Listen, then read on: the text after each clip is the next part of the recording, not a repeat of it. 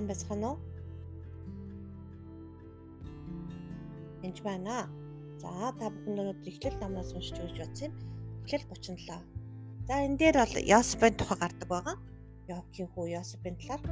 За ингээд Йосеп бол зүү зүүлдэг те дансаг зээл уцтай ах нь арай ах нарыгаа бодвол одоо юу гэх юм арай жоохон хүндэтгэл хүлээсэн ам илүү хайрладаг ч юм уу тийм л байдалтай байгаа юм л та. Тэгээд Йосеф нэгэн зүү зүүдлээ түүнийг ахнартаа ярьж. Түүнийг улам үзий ядах болж байгаа. Тэгээ ахтар нь үзий ядаж эхэлж байгаа. Яг бол хов зүүсэн гэдэг үзий яддаг болчихж байгаа юм л та.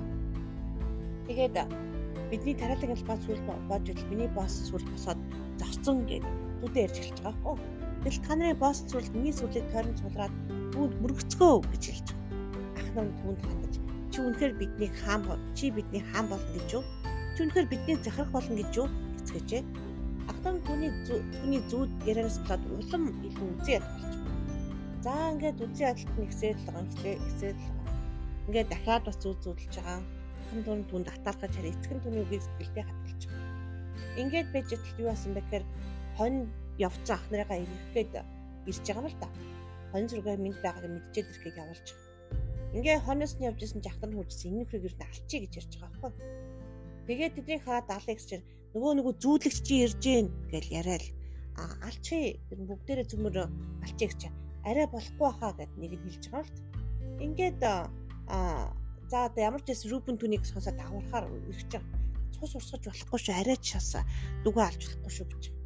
Ингээд тэд нар яаж байгаа яг 24 дугаар шилдэд түүнийг барьж аваад нүхэн чидэв тэр нүхэн дотроо усгүй хоосон байлаа гэж.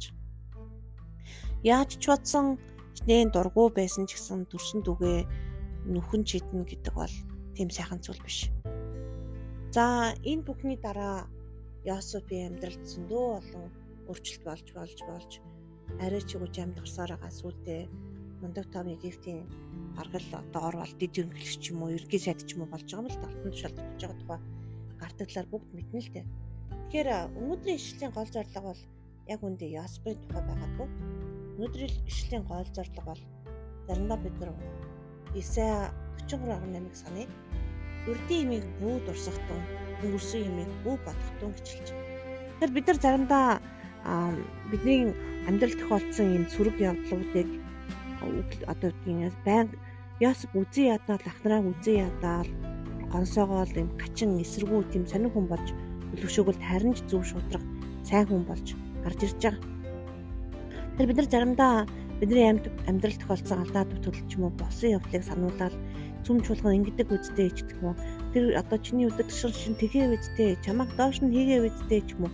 Энэ тохиолбор харалтаа төрсэн ах トゥ нь чамайг харахгүй нөхөнд усгүй нөхөнд өгөх гэж явчихж байгаа.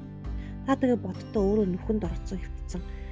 Амьд үлдэх өвхгүй тодорхойгүй өвхөж магадгүй усгүй юм чин давнаа өвчин хүн олж авч чадахгүй цөлд бол бүр хэцүү үстэй Тэгэхээр чин найдвараа алдсан тийм хэцүү байдалд төрсэн ах нар нь оруулаад байгаа. Тэгэхээр бидний амьдралд итгэгч нар ч юм уу, итгэлийн ахан дуус ч юм уу, дөр батгаа ахлагч пастор ч эсвэл хань ижил ч нүр хүүхэд ч юм уу маш хэцүү байдалд оруулаад явсан тохиолдол байж болно л доо.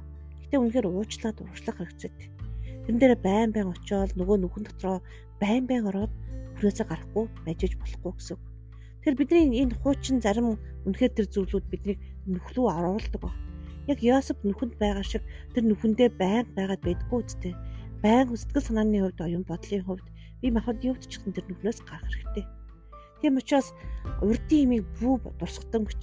Тэгэхээр зарим бид нар идэвхжүүлэлт хийхэд мэдээж тэр хүмүүсийг уучлалж урдын имийг дурсаж уушлах явдал бол өөр харин ч уршаа уршилж байгаа хэрэг л дээ. Мартаад урагшлан гэсэн үг тухай ярьж штэ. Уучлаад урагшлах тухай ярьж байна. А тэрийг байн байн бодоол дурсаал тэ манай ах нар яг тэгжсэн байхгүй юу? Хайцсан шүү дээ намайг гэлдэг ч юм уу те. Манай сүмжүүлгэн намайг гэд эргээгүй байхгүй юу? Тоогоогүй байхгүй юу ч гэдэг юм. Эсвэл намайг ажлаас амар сайн ажиллаад байхдаа ажлаас халдсан байхгүй юу ч гэдэг юм уу? Гих мэтчлийн байдлаар намайг бүтгсэн байхгүй юу ч гэдэг юм уу? Ингэж яхад намайг араар тавьсан байхгүй юу? Эсвэл миний аав ээж намайг тэгж зовоосон байхгүй юу гэдэг ч юм уу? Маш олон бодол таныг ингэж улам эргэлдүүлээд байгаа бол зэрэг уучлж хурдан явуулах хэрэгтэй гэсэн. Яг бол чөтгөрч гисэн тэрийг таны уршлагад цатаа болдог байгаа эдгээр та нүхэнтэй байгаад бол хашаач явж чадахгүй үстэй. Өнгөрсөн мессеж бүр бүр бүү бодогтон гэж бичсэн байл тий. Сая 33 агнаа дээр. Тэгэхээр Заримдаа тийг дурсаж бодох гээд бодол руу орж ирэх юм бол сануулах юм бол сатана бид тэр хүмүүсийг уучлсан би уршилж байгаа. Миний амьдралаас зайл гэж хэлэх хэрэгтэй. За Филиппе 3:13-аас 14-ыг харъя. Ахтунараа би өөрөө хараахан барьж авсан гэж боддгоо. Харин нэг л хэмиг хийдэг. Ардхаа мартаж урдах зүйлс руугаа зүтгэн тэмүүлж Христ Есүс дотор Бурхны дээш чиглэсэн дуудлагын шагналыг авахын тулд байр руу уршилдаг гэж. Тэгэхээр магадгүй танд эзэн өөр дуудлагыг амлалтыг өгсөн байж болно л доо. Тэгэхээр энэ таны амьдралд болсон тэр сөрөг зүйлийг санаал бодоол уур нүрэл би энэ ажлыг хийхгүй. Ингээд тахта яадгийн? Би дахиж үйлчлэл хийхгүй ч гэдэг юм уу би дахиж идэвхжүүлэлт хийхгүй. Яг бол намайг шүүсэн гэдэг ч юм уу. Янз бүрийн яруу хэрэг яригдаж байгаа бол би ишцүүлэх хийхгүй алдаа гаргасан ч гэдэг юм уу. Тийм бодол байгуул та уршлах цаг болсон гэсэн enough is enough. Англиар бол болсон бол болсон. Уршлах яг харин ч харин ч урдах зүйлс рүүгээ зүтгэн тэмүүлж Христ Есүс дотор Бурхны дээр чиглэсэн дуудлагынхаа шагналыг авахын тулд таны дуудлагад хүрэхэд эдгээр зүйлсүүд сатаа болдог байна. Та өнөхөр алдаа гаргасан байж магадгүй тэр нүхэнд өөрөө унтсан байж магадгүй бүдрээд. Тэгсэн чи та түүнээс гарсан болвол харин талархаад эзэн талархаад урагшлаараа. Таныг хэн нэгэн гаргасан ч байж магадгүй. Талархаад урагшлаараа. Дахин дахин тэр нүхэндээ бити ороорой та магадгүй амьдралдаа буруу зүйл хийгээ шоронд орсон байж болно. Та амьдралдаа худал хуурмаг хилээд таныг бүтгүүлсэн байж болно. Ян юу ч болсон байж магадгүй. Сонин дээр бичүүлсэн байж болно, шоронд орсон байж болно. Ажлаасаа халагдсан байж магадгүй. Алдаа дутгал гин нүглээ чинь бурхан бүгдийг нь уучлсан. Та ч гэсэн бас өөрийгөө уучлах хэрэгтэй. Та бас бусдыг уучлан уучлах хэрэгтэй. Танд өөрийн гэсэн Бурхны Иесус Христос дотор дуудлага байгаа. Дээшээ чигсэн дуудлага. Бурхны дээшээ чиглэсэн дуудлага доошо биш нөхрөө гон харгуурл биш харин дээшэд чиглэсэн. Энэ дуудлагыг шаглалын төлөө зүтгэн гүөхийн тулд заримдаа бас утах зүйлсүүдээ үнээр дурсаж санахгүй харин ч бүр бодохгүй уршлах тохиол хэрэгцээтэй. Үнэхээр сайхан дурсамж бүхний таны амьдрал хийсэн зүйлийг бодож болохгүй гэж хэлээгүй шүү. Бололгүй яах вэ? Өөрийгөө урамшуулаарай.